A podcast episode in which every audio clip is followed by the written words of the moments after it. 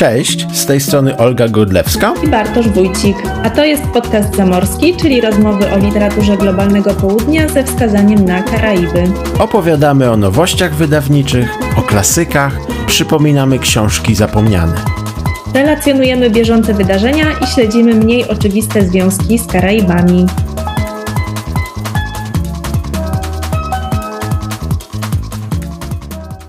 Dzień dobry, dzień dobry. Witamy w nowym sezonie podcastu Zamorskiego. W drugim sezonie. Tak jest, w drugim sezonie. Wróciliśmy już po wakacyjnej przerwie i wracamy z nową energią i z wieloma pomysłami na następne odcinki. Od tych pomysłów aż się roi i musimy naprawdę wręcz prowadzić selekcję materiału do odcinków. Dzisiaj opowiemy o książce, której polskiego wydania naprawdę nie mogliśmy się doczekać. Jest to powieść Monique Roffey pod tytułem Syrena z Zatoki Czarnej Konchy, która ukazała się nakładem wydawnictwa Świat Książki w tłumaczeniu Joanny Hryniewskiej. Nareszcie, ponieważ my znamy tę książkę z wersji oryginalnej i zrobiła ona na nas bardzo duże wrażenie i wiedzieliśmy też od dawna, że ukaże się po polsku i tylko czekaliśmy na ten moment, żeby wreszcie przeczytać ją w tłumaczeniu. Przeczytać i porównać no, nasze wrażenia, bo to rzeczywiście jest książka, która ma super ciekawą genezę. Genezę wcale nie jasną i niejednorodną, która też bardzo pasuje, książka i geneza, do podcastu zamorskiego, bo my powitaliśmy Was w drugim e, sezonie i w pierwszym odcinku no, już teraz, właśnie w sierpniu. Natomiast chyba musimy, zanim pogadamy bardzo konkretnie dzisiaj o powieści Monique e, Ruffy, przypomnieć tym osobom, które może właśnie zainteresowane syreną pierwszy raz nas słuchają. W skrócie staramy się rozmawiać zgodnie z tym, o czym mówimy w dżinglu, o literaturze południowej, to znaczy pisanej w różnych językach, dotyczącej terytoriów na południe od Florydy, czyli tak podkreślając, głównie chodzi o Amerykę Środkową, Amerykę Południową. E, jeśli Was interesują dotychczasowe nasze no, doświadczenia, to znaczy o czym były odcinki z pierwszego sezonu i o czym był też klub czytelniczy, czyli zamorski klub czytelniczy, to zapraszamy wszystkie osoby od razu na stronę. Razem z Olgą prowadzimy nasze media, oczywiście społecznościowe, ale na stronie znajdziecie całe archiwum. Jest to strona zamorskie.pl i żeby nie było wyłącznie o Karaibach, bo dzisiaj rzeczywiście to będą głównie wyspy tego archipelagu, to myślę, że dobrze by było, jakbyś jeszcze Olga opowiedziała odrobinę o właśnie wczorajszym spotkaniu naszego klubu, spotkaniu, które no, zaprowadziło wszystkie osoby poprzez Ukrainę do Brazylii. Brazylijska autorka, czyli Clarice Lispector, jedna z najbardziej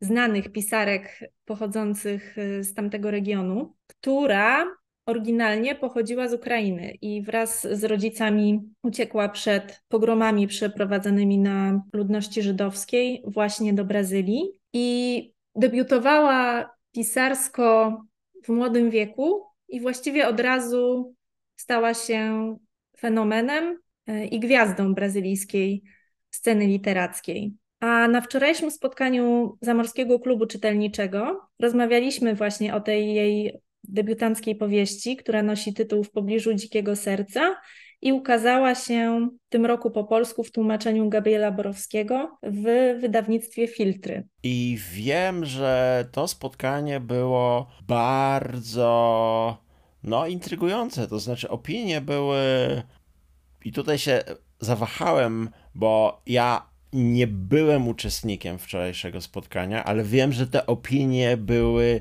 mocne, że zdania były nawet niepodzielone tym razem. Nie była to lektura łatwa, ale wygląda na to, że to była lektura potrzebna. Przynajmniej tak zrozumiałem Twoją relację, więc może byś odrobinę też przybliżyła, jak ta rozmowa się potoczyła. Zdecydowanie nie była to łatwa lektura ponieważ pierwszy raz podczas naszych klubowych spotkań zdarzył się tak wysoki współczynnik niedoczytania książki, ale też y, bardzo wysoki był poziom zagubienia w tej lekturze, nawet osób, które przeczytały powieść w całości. Natomiast przy tym wszystkim była też duża ciekawość czytelniczek, klubowiczek tej postaci i też tego fenomenu.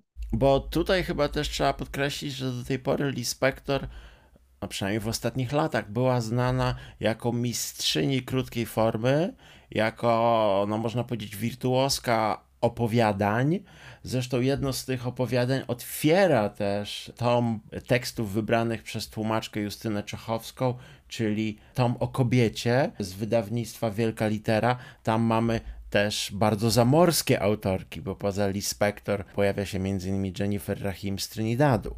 Ale to debiutancka powieść, która no, jest modernistyczna, która jest sprzed 80 lat, która też jest intertekstualna, bo nawiązuje i do Wilka Stepowego Hermana Hesse, i do twórczości Virginia Woolf, i do twórczości Jamesa Joyce'a, no nie jest literaturą popularną w znaczeniu e, taką bardzo rozrywkową, a z kolei literaturą potencjalnie bardzo rozrywkową jest nasza dzisiejsza powieść, która jest i romansem, i ma e, wiele elementów magicznych, też myślę taki element sensacyjny, ma też e, element e, po prostu takiego czytadła, z którym można spędzić trochę wolnego czasu, więc książka Lee Spector jest myślę o wiele bardziej też wymagająca i styl, jeśli chodzi o strumień świadomości, no wcale nie musi być doświadczeniem przyjemnym. To znaczy, po, można się dość łatwo wciągnąć, ale myślę, że są też osoby, które mogą się bardzo łatwo zgubić w, no, w, w gąszczu tego, co się dzieje. Tak, klubowiczki wielokrotnie podkreślały, że dominującym uczuciem podczas e, czytania tej powieści było uczucie niezrozumienia i takie przekonanie, że autorka tak naprawdę nie chce się skomunikować z czytelnikiem, że ona pisze bardziej dla siebie i zupełnie nie zależy jej na tym, żeby czytelnik ją zrozumiał. Więc myślę, że z tego względu ta powieść rzeczywiście jest niełatwa, natomiast myślę, że zdecydowanie warto było się z nią zapoznać i też skonfrontować się z takim wizerunkiem Clarice Lispector jako tej klasyczki i jako wybitnej postaci brazylijskiej literatury. Poza tym, że startujemy dzisiaj z drugim sezonem, mamy też trochę nowych ogłoszeń. I taką najważniejszą nowością, którą dzielimy się z dużą ekscytacją, jest to, że od września tego roku Zamorski zacznie pojawiać się również na żywo. Będziemy brać e, udział w różnych spotkaniach. Część jeszcze jest w trakcie planowania, o części już możemy Wam opowiedzieć. Pierwszym wydarzeniem na żywo będzie spotkanie autorskie z tłumaczką Agatą Ostrowską, podczas którego porozmawiamy o powieści Charmaine Wilkerson pod tytułem Czarny Tort, w której to powieści pojawia się sporo wątków karaibskich. I to spotkanie odbędzie się w Warszawie na Żoliborzu w Księgarni Najlepszej. Pozdrawiamy przy okazji. Będzie to 16 września, czyli w sobotę o godzinie 18, także już serdecznie zapraszamy osoby z Warszawy, żeby dołączyły, a osoby spoza Warszawy zapraszamy, żeby obejrzały transmisję online, bo ona też pojawi się na facebookowej stronie księgarni. Co więcej, Spotkanie będzie też tłumaczone na polski język migowy. A to wszystko udało nam się zorganizować dzięki finansowemu wsparciu, które otrzymaliśmy jako podcast zamorski ze Staromiejskiego Domu Kultury. Także bardzo się cieszymy, że będziemy mogli nawiązać bardziej bezpośredni e, kontakt z osobami, które interesują się literaturą karaibską, literaturą zamorską. No i jeszcze raz e, bardzo zapraszamy i też zachęcamy, żeby śledzić nas e, na mediach społecznościowych oraz e, zapisać się na nasz newsletter, ponieważ planujemy jeszcze więcej tego typu spotkań, nie tylko w Warszawie. A dla osób, które nie będą w Warszawie, ale na przykład będą w Lublinie, albo inaczej, dla osób, które w tym czasie będą nie w Warszawie, a w Lublinie, a może dla osób, które z kolei będą chciały po prostu odwiedzić Lublin, cztery aż spotkania. I tak jak spotkanie w najlepszej z Agatą Ostrowską, te spotkania będą z tłumaczkami, też będą bezpłatne i też częściowo pojawią się w Zamorskim. Będziemy się spotykać raz w miesiącu już od 29 września. Najpierw z Agą Zano, później z Agatą Ostrowską, ale o ile w najlepszej głównie porozmawiamy o jej przekładach z angielskiego, to w Lublinie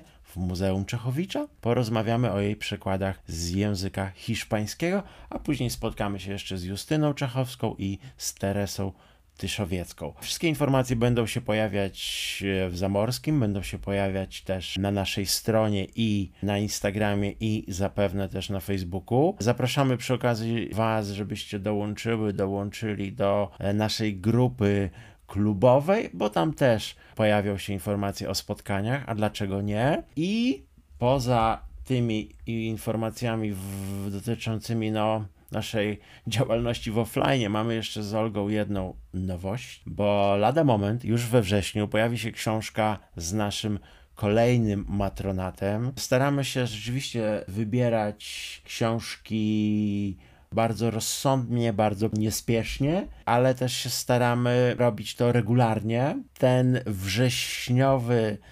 matronat będzie też połączony z odcinkiem, więc już troszeczkę zdradzamy informacje, co w sezonie drugim. I już nie przedłużając, bo chcemy wrócić do głównego tematu, daję też znać, że w sezonie drugim pojawią się też non-fiki, to nie są wyłącznie powieści i już takie nonfiki w sierpniu też w kolejnym odcinku się pojawią, więc jeżeli dołączyłyście, dołączyliście pierwszy raz do Zamorskiego, to w skrócie są tu głównie powieści, czasami no, są nonfiki, czasami pojawiają się też wiersze. A teraz co? Przechodzimy do biogramu i w ogóle do opowieści o autorce, bo biogram ma długi i ona już wcześniej pojawiła się w polszczyźnie. No powiedziałem o biogramie i rzeczywiście zaczniemy tak e, trochę szkolnie e, dzisiaj, ale to jest autorka, która ma za sobą ponad 20 lat profesjonalnej działalności jako redaktorka, jako pisarka, nie tylko powieści, bo rzeczywiście do tej pory wydała ich sześć, wydała też e, jedną książkę wspomnieniową, czasami pojawiają się eseje, pojawia się e, czasami też jakaś taka z jej strony powiedzmy publicystyka. Ona jest wykładowczynią, od lat uczy właśnie pisania w północnej w Anglii, środkowo-północnej Anglii na Uniwersytecie w Manchesterze. Poza tym swoje życie jako osoba urodzona na Trinidadzie dzieli właśnie między tym karaibskim krajem a Londynem. Można ją współcześnie spotkać w południowym Londynie i to jest informacja ogólnie dostępna. Ona często mówi o tym, że jest właśnie z tą częścią stolicy bardzo zaprzyjaźniona. Nie za bardzo o tym Londynie pisze, natomiast no, tam się też udziela na przykład jako współtwórczeni takiej proekologicznej, protestacyjnej też e, akcji, którą jeszcze przed pandemią w roku 19 e, współzałożyła.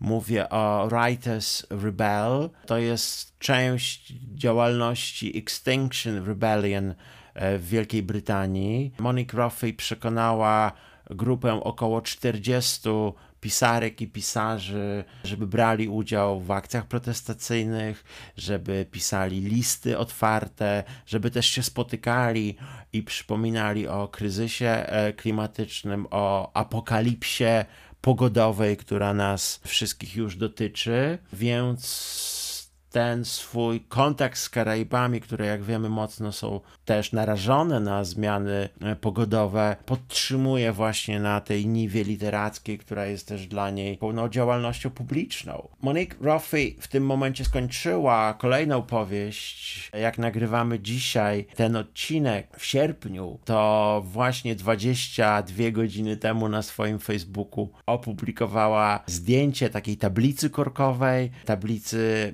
która którą podpatrzyła, jak przesłuchałem w jednym z wywiadów u, u zaprzyjaźnionej pisarki. Jest to tablica korkowa, do której w ramach inspiracji przyczepia pineskami zdjęcia miejsc, w których dzieje się jej nowa powieść, a jest to powieść trochę gatunkowa, bo tam się pojawiają elementy kryminału, takiego byśmy powiedzieli kryminału w stylu noir, bo tak też na razie Ruffy zdradziła. Obecny tytuł to Passion Tide, czyli pojawia się pasja, ale pojawia się też jakiś przypływ i wiemy, że ta powieść oparta jest na wydarzeniach autentycznych, na zabójstwie, które miało miejsce w okolicy 14-15 roku właśnie na Trinidadzie. Czyli autorka bardzo aktywna, autorka, e, która też, no, zaliczyła bardzo duży sukces. Sukces, który przyszedł dość późno w jej karierze, bo po prawie dwóch dekadach utrzymywania się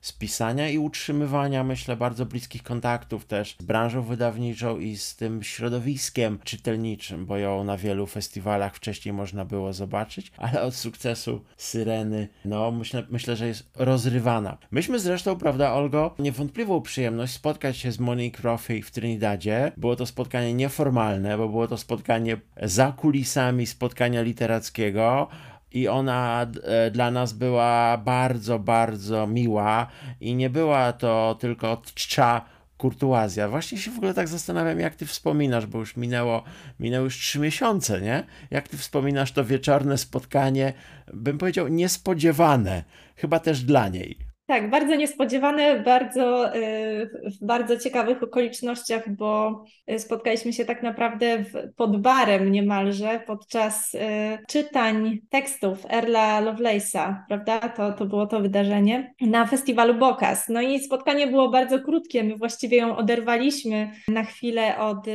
od rozmów z koleżankami przy piwie czy też y, jakimś innym napoju. Bardzo Może przy rumie. Bardzo możliwe. Myślę, że nawet bardziej prawdopodobne. Natomiast y, bardzo chętnie z nami porozmawiała i rzeczywiście ucieszyła się, zwłaszcza, że y, wreszcie mogła poznać Ciebie osobiście, bo Wy byliście już od dłuższego czasu w kontakcie mailowo-instagramowym. No i tak naprawdę po latach właściwie spotkaliście się dopiero na żywo, więc to, to było rzeczywiście dość niezwykłe. I po latach też sama Rofi wróciła do Polski, to znaczy wróciła do polszczyzny, bo ona ponad dekadę temu zaistniała, dlatego że w 2011 roku nasza księgarnia wydała Białą kobietę na zielonym e, rowerze. Powieść, która dzieje się w Trinidadzie, która ma duży wątek historyczny i duży wątek polityczny i którą przełożyła Anna Studniarek. I to jest książka, która też ta, ale nie aż tak jak Syrena, była książką polecaną przez krytykę literacką i była książką, która w Polsce ukazała się właśnie dlatego, że spotkała się z tak dobrym i z tak szerokim przyjęciem no, w świecie anglojęzycznym. I była to książka wówczas nominowana do nagrody m.in. Orange. Rzeczywiście historia powstania tej powieści była dość niezwykła i miała zupełnie zaskakujące zakończenie. Może powiesz coś więcej na ten temat, bo wiem, że śledziłeś dzieje tej powieści od początku. No, rzeczywiście, śledziłem, bo to jest autorka, jak już wspominaliśmy, która od dawna na mapie literackiej karaibskiej i brytyjskiej e, funkcjonuje. Ale też tak się zdarzyło, że po tym, jak była wydawana przez duże wydawnictwa, otrzymała, o czym sama mówiła, e, szereg odmów i znalazła się bez umowy, ale ze skończoną powieścią. I ta powieść jest rzeczywiście oparta na mitach, na legendach, między innymi karaibskich, bo już w tytule mamy przecież e, syrenę i tutaj od razu mówimy, że tu chodzi o syrenę, syrenę rybią, a nie o syrenę ptasią. Natomiast ta powieść była odrzucana, bo wydawnictwa w nią nie uwierzyły. Może wówczas jeszcze temat wydawał się zbyt, nie wiem, infantylny. Może uważano, że nie warto opowiadać o tym zakonku świata. Może spojrzano wyłącznie na romans, na powieść bardzo zmysłową, ale na przykład pominięto aspekt ekofeminizmu, czy aspekt właśnie realizmu magicznego, czy może reprezentacji e, osób z niepełnosprawnościami, bo też pojawia się taka postać. W każdym bądź razie ta powieść została odsunięta, mimo że ma początek też bardzo karaibski, można powiedzieć dość ekscytujący, bo jest to początek osobisty. Monique Ruffy zresztą po latach później napisała taki krótki esej, e, tutaj podlinkujemy ten tekst Wall Street Journal, to też nam od razu mówi, że magazyn Wall Street Journal zainteresował się już tą powieścią w momencie, kiedy ona e, miała tak dużą recepcję, że nie tylko tytuły zajmujące się kulturą czy literaturą, ale też tutaj ekonomią i światem no, gospodarczym też o tej książce pisały. I w tym eseju autorka wspomina, jak to odwiedzała północny Trinidad, odwiedzała tak naprawdę małą nadmorską wieś, która nazywa się Grand Riviere i tam e, w okolicy 2013 roku napotkała żółwie, bo tam te żółwie, które nie mają e, skorupy, ale właśnie są pokryte skórą i przez to też są narażone na wyginięcie, bo są łatwiejszym łupem, te żółwie po prostu spotykała. I ta dość bliska, pierwszy raz w życiu jej relacja z tym zwierzęciem, no spowodowała, że zaczęła bardziej myśleć o istotach morskich i bardziej zaczęła się zastanawiać też no, nad własną relacją z otoczeniem, z ekosystemem. Myślę, że to nie będzie za dużo, jeśli powiemy, że żółw też pojawia się w powieści, bo jedna z postaci jest zaklęta w żółwia, jest skazana też przez to na wygnanie ze wspólnoty ludzkiej. Więc mamy taką opowieść o kontakcie z przyrodą jako genezie, ale mamy też e, zainteresowanie Monique Ruffy tym, w jakim kierunku świat zmierza, co się dzieje z klimatem, co się dzieje z e, pogodą, no bo to też jest właśnie powieść, e, która tej katastrofie się przygląda. Mamy przecież opowieść o rybakach, którzy przyjeżdżają z północy, ze Stanów Zjednoczonych i trochę są, mimo że ta powieść dzieje się akurat ten wątek w latach 70., to trochę przypominają jak takich karykaturalnych fanów prezydenta Trumpa. I oni mają taką turystykę eksploatacyjną, bo chcą zapolować na marlina, który okazuje się, i tutaj trochę tajemnicy uchylamy, który okazuje się tytułową syreną. I te wątki osobiste, bo to nie jest jedyny powód, dlaczego napisała ową książkę Monique Ruffy, y, oczywiście dominują, gdy ona opowiada w licznych y, wywiadach, ale jest chyba też super ciekawe, co się z tą książką stało, bo ona była przygotowana z myślą o wiośnie 20 roku i właśnie wtedy pojawił się COVID. I myślę, że nikt, kto miał wówczas premierę książkową, nie czuł się z tym dobrze. I tak jak powiedziałem, nie dość, że to było małe wydawnictwo, wydawnictwo People Tree Press, które jednak zdecydowało się jako jedyne w tę książkę zainwestować, to była sytuacja też właśnie globalnej katastrofy chorobowej. I sama autorka miała no, negatywne podejście, to znaczy bardzo się martwiła, co się stanie z tą powieścią, że ta powieść utonie. Ale nie wiem, czy pamiętasz, bo jej się udało zbudować społeczność wokół tej książki. Samo wydawnictwo nie miało takich pieniędzy wówczas, żeby potraktować tę książkę inaczej niż swoje publikacje, no bo po prostu mają skromny budżet na każdą książkę wydawaną z mniejszym bądź większym sukcesem, ale nic nie wskazywało, że ta książka będzie mieć aż tak wielki, no właśnie sukces międzynarodowy.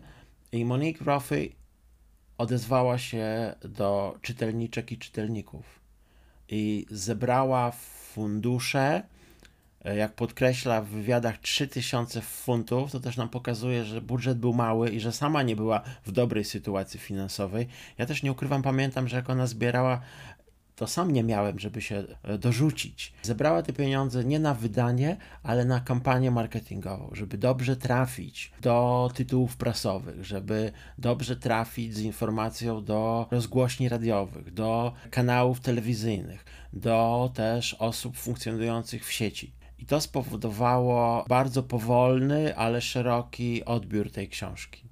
A jak do ciebie ona dotarła? Czy ty miałaś wcześniej przed Kostą? Bo tu mówimy o 20 roku, nie? Mówimy jeszcze przed nagrodą, bo ta nagroda to już to był e, dodatkowy zastrzyk zainteresowania, ale na razie mamy taką oddolną kampanię, małe wydawnictwo, autorka, która próbuje za pomocą właśnie pieniędzy zebranych oddolnie zainteresować świat, a świat w tym czasie boryka się z COVID-em.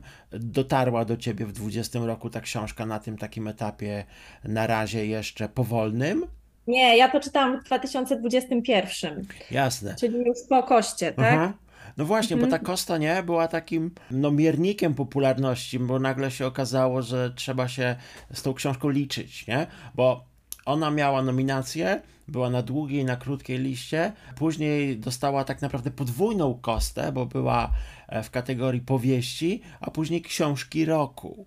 I w 2021 roku, jak w drugiej połowie, jak downy się zmniejszały, obostrzenia też były trochę liberalizowane i ludzie zaczęli podróżować znowu drogą lotniczą, to ta książka w nowym wydaniu zaczęła im też towarzyszyć, bo po koście pojawiło się wydanie Pingwina, wydanie w serii e, Vintage. Tak, ja czytałam Syrenę jeszcze w tym pierwszym pipalowskim wydaniu, ale już po nagrodzie i pamiętam, że było bardzo o niej głośno w przestrzeni bookstagramowej. Pierwszy raz o tej książce usłyszałam od Cindy Olmon, która była naszą gościnią kilka odcinków temu i ona bardzo się zachwycała tą powieścią i właśnie to mnie zachęciło, żeby ją przeczytać. I zresztą to była też pierwsza karaibska książka, którą przeczytałam, więc też mam do niej szczególny sentyment. Natomiast zdecydowanie mówiło się o niej, ale to był jeszcze taki rozgłos lokalny. No, Costa e, odmieniła tę sytuację do tego stopnia, że w Polsce świat książki na okładce polskiego wydania umieścił logotyp Kosty, umieścił tę informację. Dla Rofi to też była odmiana jakościowa, jeśli chodzi o odbiór jej pisarstwa, bo jej książki wydawane do tej pory w różnych wydawnictwach, w odstępie czasowym na nowo zaczęły być dostępne. Po prostu zostały wydane w jednym wydawnictwie w ujednoliconej szacie graficznej, więc teraz wróciła i w wersji papierowej, i wróciła w wersji oczywiście e-bookowej. Można też odsłuchać części jej książek jako audiobooki. Samą Syrenę Radio BBC w formie takiego serialu E, w formie słuchowiska opracowało i też można było sobie odcinki spokojnie, we własnym tempie odsłuchać. Ta książka też spotkała się z dobrym odbiorem międzynarodowym, bo jest już kilkanaście, one podchodzą pod 20 e, języków tłumaczeń.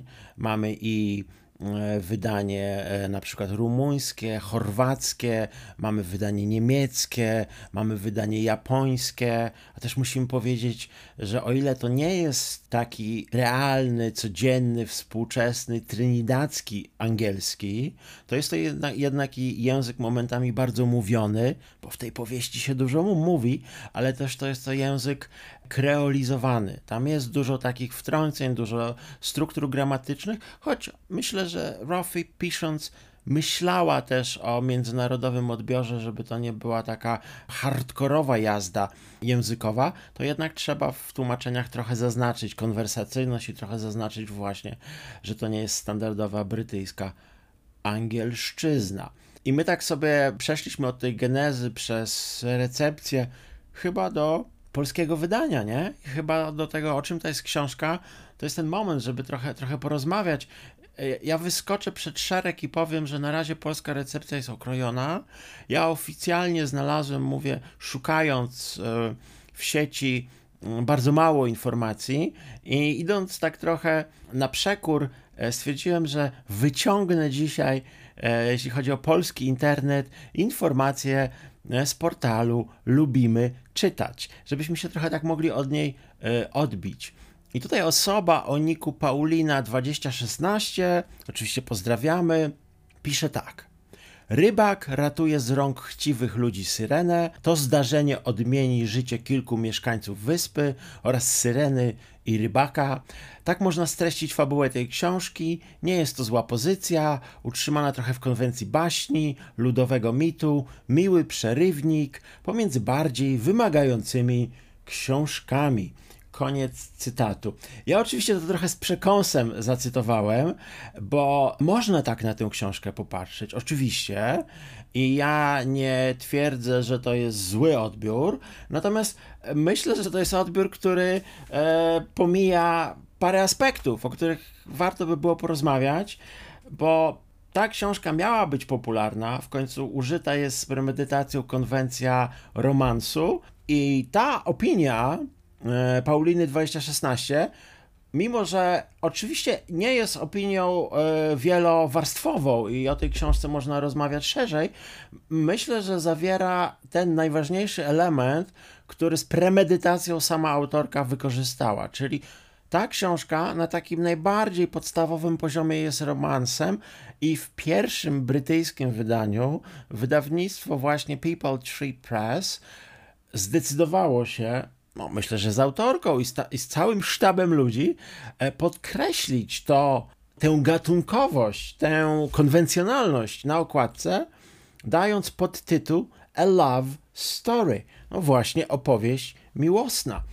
E, ale jeśli to jest opowieść miłosna, to raczej nie jest to historia miłosna, tylko właśnie herstoria, bo ta miłość wypływa przez przypadek, ta miłość niby jest typowa, ale okazuje się, że sama bohaterka jest przeklęta, jest przeklęta przez ludzi, jest przeklęta też za to, jaką miała fizyczność, jaką miała właśnie sensualność i dlatego została zaklęta i dlatego została wygnana.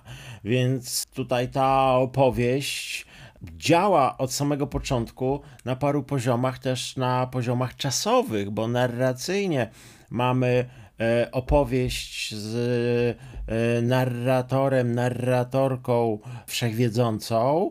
Mamy też fragmenty, gdzie sama syrena zresztą językiem e, wierszowanym, swoje myśli jako właśnie narratorka, jako osoba, osoba mówiąca nam przedstawia i mamy samego Dawida, czyli bohatera tego romansu, który ma zapiski po latach, mniej więcej 40 lat od wydarzeń tych romantycznych.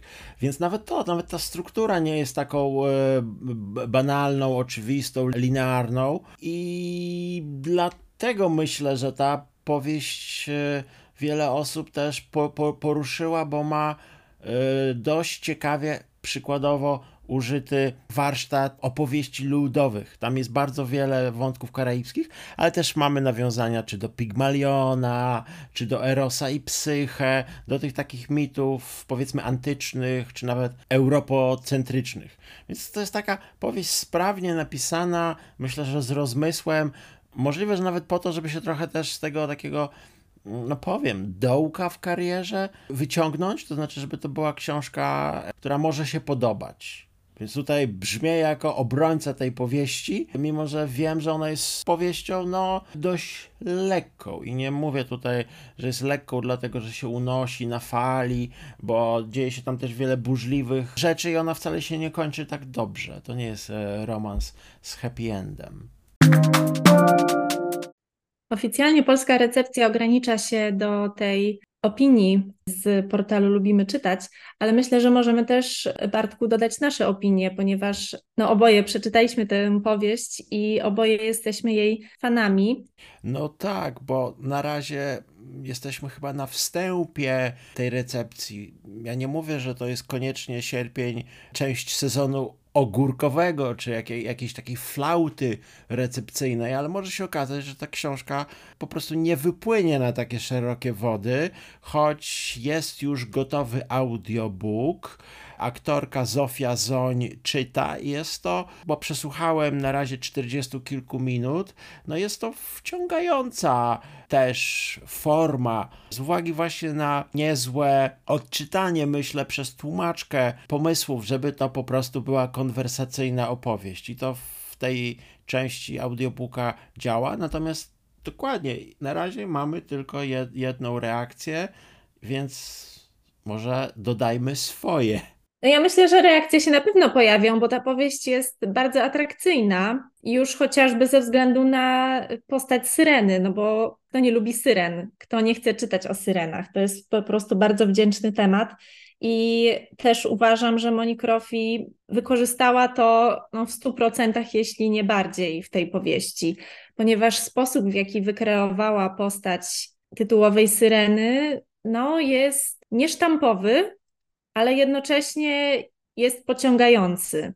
Nasza główna bohaterka przede wszystkim nie wpisuje się w taki standardowy wizerunek syreny, która zwykle bywa uwodzicielką, dlatego że no ona nie wygląda wcale tak ponętnie. Wygląda bardziej jak morski potwór. Ona rzeczywiście wzbudza zainteresowanie mężczyzn, ale bardziej jako trofeum myśliwskie i jako po prostu dziwny okaz, a nie jako kobieta. Tam od razu pojawia się na przykład nazwa Instytutu Smithsonian, któremu ci rybacy, dodajmy Amerykanie, chcieliby sprzedać swoje trofeum.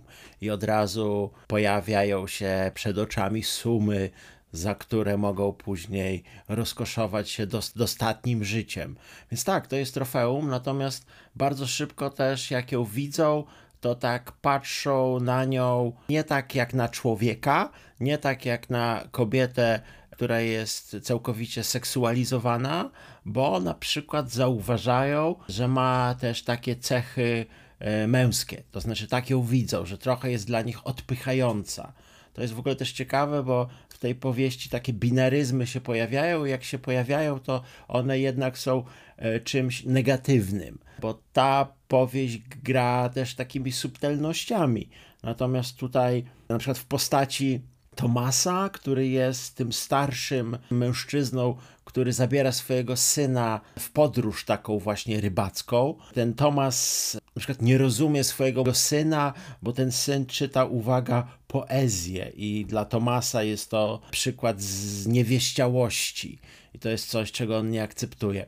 Więc rzeczywiście, Rofi gra tym, że ta syrena e, no, nie, nie jest taką syreną z rozkładówki. Tak, i w dodatku ona wcale nie ma takich zamiarów, żeby kogokolwiek tam uwodzić. Wręcz to ona jest uwodzona w pewnym sensie y, przez rybaka, który ją później ratuje ale też ta relacja między nimi jest bardzo zniuansowana i no nie opiera się po prostu tylko na pożądaniu, tak jak zwykle to bywa w tej historii rybaka i syreny. Y, I sama postać Dawida też myślę, że jest interesująca, on jest postacią pełną wątpliwości, ponieważ niejako czuje się winny temu, że syrena została schwytana, dlatego że zanim to nastąpiło, on przywabił ją do swojej łodzi przez to, że podczas połowu grał na gitarze. I w pewnym sensie tę syrenę zaczął oswajać, i to przyczyniło się do tego, że ona później zbliżyła się do łodzi, która okazała się dla niej wrogą. I stąd właśnie wynika ten konflikt Dawida, który okazuje dużo współczucia dla Syreny i no właśnie staje się później przez to jej wybawicielem. Natomiast to też nie jest sytuacja, że on nagle jest takim stuprocentowo sprawczym i sprawnym mężczyzną, bohaterem, który wyłącznie ratuje Syrenę, bo to ona ma tutaj wiele do powiedzenia i wiele do zrobienia w trakcie swojego przeistaczania się, bo możemy zdradzić, że no, skoro jest w konwencji i realizmu magicznego i też no, takiej fantastycznej ta powieść napisana, to Syrena w pewnym momencie przestaje być Syreną i też uczy się życia na lądzie ponownie, ale też uczy Dawida, między innymi wrażliwości no bo jednak powoduje, że on też się zmienia i po latach później wspomina w swoim dzienniku, który jest też jedną z warstw narracyjnych tej książki, wspomina o tym, co czuł, co widział, jak rozumiał. No i po latach wydaje się, że rozumie więcej niż rozumiał w latach 70. I tutaj, skoro mówiłaś o Dawidzie, o jego poczuciu winy, o jego też wątpliwościach, to mamy cytat z powieści i jesteśmy, myślę, tak w jednej szóstej, jeśli chodzi o opowieść. I tutaj Joanna Chryniewska tak przedstawia ten fragment powieści Monique Roffey. Jeśli sobie chcecie poszukać, to to jest 55 strona. Z powrotem na lądzie. Kiedy widzę ją wiszącą głową w dół, Jakby odwrotnie ukrzyżowaną, serce mi staje, krew lodowacieje. Więc łapią ją. Mój największy strach. Płynąłem za ich łodzią przez jakąś godzinę, ale zawróciłem, zanim ją złowili. Wypływali daleko w morze. Wracam. Już wtedy miałem złe przeczucia, bałem się, że mój silnik ją do nich zwabi. Dlatego wracam, ale jest już za późno. Moja wina, że wyciągają ją z morza, że przywożą ją półżywą. Myślę, że nie żyje, kiedy widzę ją tak wiszącą głową w dół, zakneblowaną, skrępowaną, jakby była krabem przygotowanym na sprzedaż. Rany, tak mi wstyd, gdy widzę ją taką i od razu kombinuję, jak ją odciąć. Bałem się, że zdarzy się coś złego, jeśli jej nie odetnę. Przy takiej istocie i nadmiarze alkoholu mężczyznom może naprawdę odbijać. Skoro już zdradziliśmy, że Syrena przechodzi transformację w kobietę, to ja tylko dodam, że to jest moment w książce, który mi najbardziej zapadł w pamięć i uważam, że jest po prostu genialnie opisany przez Monique Roffey. Tak samo zresztą jak y, właściwie wszystkie sceny, w których y, jest takie zbliżenie na fizjonomię y, Syreny. Naprawdę bardzo realistycznie to jest opisane, a jednocześnie no, nie pozbawione tej, tej magiczności i jakiejś niesamowitości. I to się łączy z taką kolejną, z takim kolejn, z kolejnym aspektem tej powieści, który no przynajmniej dla mnie był bardzo zaskakujący, a jednocześnie był bardzo intrygujący, a jednocześnie bardzo nie budował szczególny klimat. I kiedy czyta się po raz pierwszy taką książkę, można się w tym trochę pogubić, bo tak jak wspomniałeś, w powieści pojawia się dość często język trinidacki, zwłaszcza w dialogach. I jak tylko dowiedziałam się, że powieść będzie tłumaczona na język polski, no to zastanawiałam się, jak to w polszczyźnie wybrzmi, jak y, tłumacz lub tłumaczka odda te wyrażenia, które bardzo często się powtarzają a które są bardzo charakterystyczne właśnie dla trinidadzkiej mowy. Co ciekawe, też zauważyłam, że w powieści nie ma przypisów do, do tych e, różnych słów, e, takich jak na przykład tabanka, które gdzieś tam się pojawia w, w treści, a które tłumaczyliśmy w jednym z odcinków podcastu zamorskiego. Co w sumie trochę mnie zaskoczyło, bo jednak myślę, że jeżeli nie zna się tego trinidadzkiego, karaibskiego kontekstu, no to mm, takie, takie wyrażenia mogą wprowadzać e, w zakłopotanie czytelnika. Wiesz, ja myślę, że to jest takie tłumaczenie, w które wpisana jest praca domowa dla wszystkich osób, które czytają. Bo mamy trochę słów, które zostały zostawione kursywą, które są zachowane z oryginału i one wprowadzają tą karaibskość czy tą trinidadzkość, ale mamy też część wyrażeń, jak chociażby karaibski, angielski, chociażby w słowie stoops, to słowo, które oznacza takie cmokanie, które często słyszymy na Wyspach Karaibskich albo wśród diaspory. I ono oznacza właśnie e, dezaprobatę czy niechęć. I to tłumaczka Joanna Chryniewska po prostu dosłownie musiała przetłumaczyć jako, i pozwolę sobie zacytować, zacmokałem z dezaprobatą. Prostu. I masz rację, są te momenty, kiedy trzeba się zastanowić, trzeba się może dowiedzieć, czyli sięgnąć po jakieś źródła, chociażby rozbudowane słowniki karaibskie, internetowe.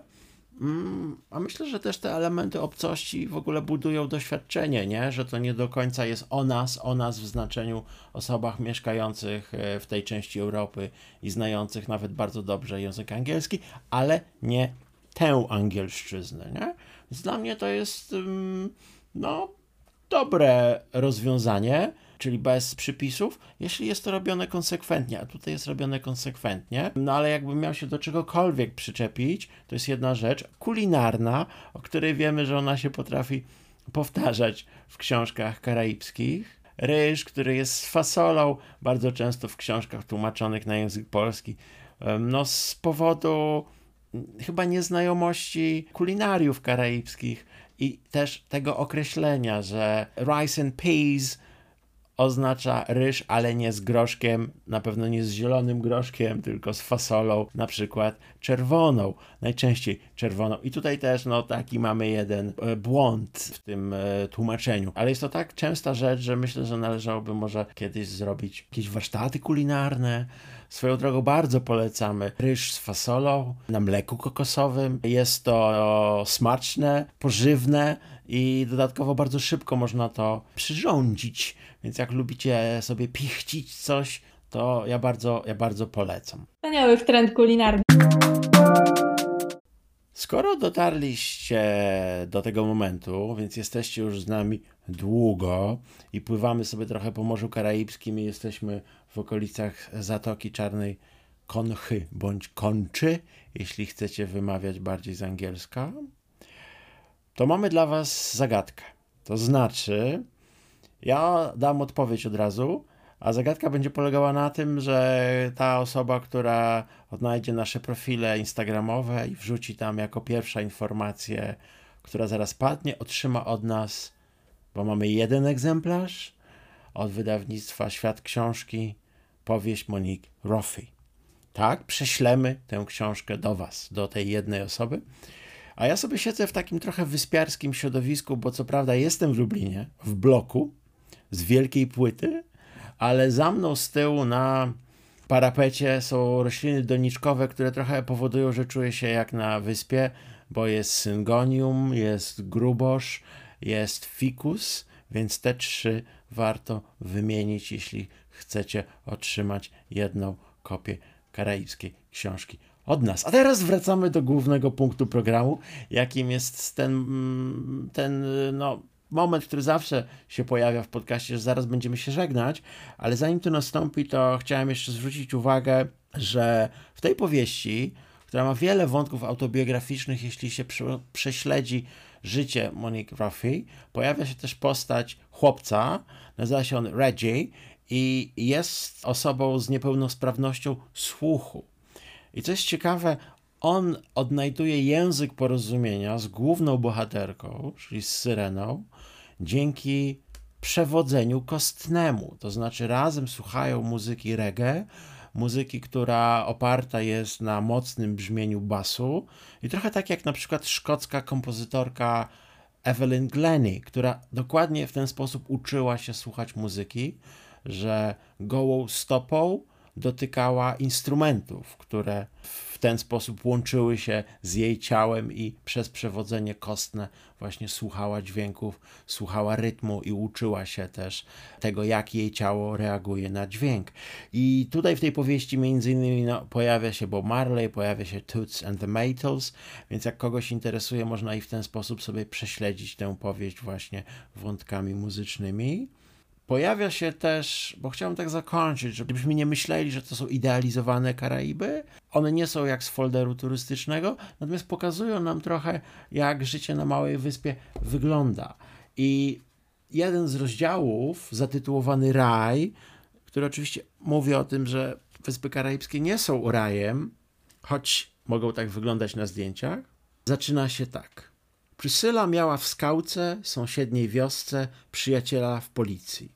W zasadzie nie był to przyjaciel, ale mężczyzna, którego niejednokrotnie doprowadzała w łóżku na skraj wyczerpania. Jego żona zagroziła, że następnym razem ją zabije, ale mniejsza z tym. Komisarz Portos John był jednym z zaledwie trzech policjantów na północnym krańcu wyspy i jednym z siedmiu na całej wyspie, a to wiele znaczyło. Popołudniami Portos grywał w karty za posterunkiem policji w skałce. Wszyscy wiedzieli, że nie wolno mu wtedy przeszkadzać. Hazard był dla niego tylko jednym ze sposobów na podreperowanie skromnego budżetu.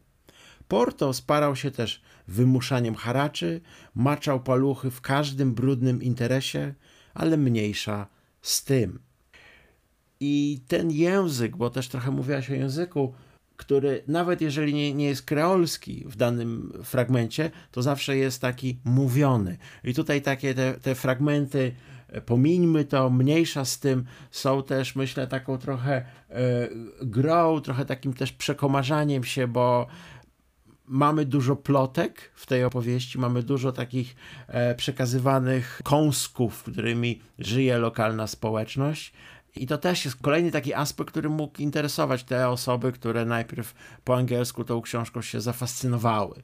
Że ludzie mówią, że trochę są tacy wścibscy w tej, w tej książce, że ona jest w ten sposób taka lekka i nie ucieka od tego, żeby być rozrywką. To w ogóle się często pojawia w karaibskich powieściach i opowiadaniach. Taki motyw małej społeczności i plotki, która tą społecznością rządzi. I myślę, że też dzięki temu, no nie wiem, ja pochodzę z małego miasta i jakoś e, zawsze odnajduję się w tych tekstach dzięki temu. No, a jak mała społeczność, to pewnie moglibyśmy i rozmawiać o korupcji, o hipokryzji, o tych wszystkich ciężkich tematach. One się pojawiają w tej ksi- książce, ale właśnie są dość lekko podane. I już, żeby tak zakończyć, zastanawiam się, czy to też nie było powodem, dlaczego ta książka, którą w ogóle Rofi pisała w 16 i 17 roku, czyli ona czekała bardzo dużo, ona czekała bardzo długo na wydanie, że ta książka nie była po prostu też traktowana przez tych wydawców, którzy ją odrzucali jako no taka błahostka. A tak jak mówisz, ona jest bardzo karaibska przez to, że dotyczy małej społeczności i ta społeczność też sama pisze o sobie nie stroniąc od tych przywar i nie stroniąc od takiej no krytyki która nie jest paszkwilem, ale jest taką, bym powiedział, e, dobroduszną satyrą. Choć ci mężczyźni, którzy tam są, no to co jeden to toksyk. Też pojawia się oczywiście wcale nietypowa jak na Karaiby postać kobiety, bo panna Arcadia Rain, to zresztą motyw deszczu jest też takim wątkiem, który można sobie między innymi deszczu ryb, który można sobie w tej powieści odnaleźć. Ona jest trochę osobą, która przypomina pewnie postać z najbardziej znanej powieści Jane Reese z Szerokiego Morza Sargasowego, ale nie jest osobą, którą się odrzuca e, z uwagi na przypisywane jej szaleństwo, tylko jest osobą rezolutną, rozsądną, osobą, która zarządza, która ma empatię, ale co jest ważne, jest euro-karaibką, jest białą kobietą, która też się musi borykać z swoją przeszłością e, rodzinną, no bo rodzina miała e, włości i miała też własności niewolnicze, po prostu miała zniewolone osoby. Przerywamy ten potok słów, bo się bardzo rozgadaliśmy, a już czas kończyć. No ale to tylko pokazuje, jak wiele wątków przewija się w tej y, pozornie niepozornej powieści, więc bardzo zachęcamy, żeby ją przeczytać i zachęcamy tym bardziej, że Syrena z Czarnej Konchy będzie następną lekturą Zamorskiego Klubu Czytelniczego. Spotkanie odbędzie się 25 września o godzinie 19 w przestrzeni online. Wszystkie informacje znajdziecie albo na klubowym Facebooku, albo na naszych Instagramach, albo na naszej stronie. Więc zapraszamy serdecznie. Myślę, że to jest bardzo przyjemna książka już na ten powakacyjny czas, ale jeszcze być może całkiem letni, jeśli chodzi o temperaturę. Dawno nie było reklamy, więc na zakończenie jeszcze reklama. Co dwa tygodnie nowy odcinek podcastu zamorskiego o tym już wiecie. Co 4 do 6 tygodni nowe spotkanie w komfortowych, online'owych warunkach Zamorskiego Klubu Czytelniczego, a co dwa tygodnie naprzemiennie nowy zamorski newsletter. Wejdźcie na stronę zamorskie.pl, tam w dziale kontakt znajdziecie wszelkie informacje, łącznie z tym, co się dzieje z waszymi danymi, a nie dzieje się nic złego i w wpiszcie swój działający mail i w ten sposób co dwa tygodnie przeczytacie od nas parę słów. To tyle na dzisiaj. Dziękujemy Wam za wysłuchanie i słyszymy się ponownie za dwa tygodnie. Cześć! Pa!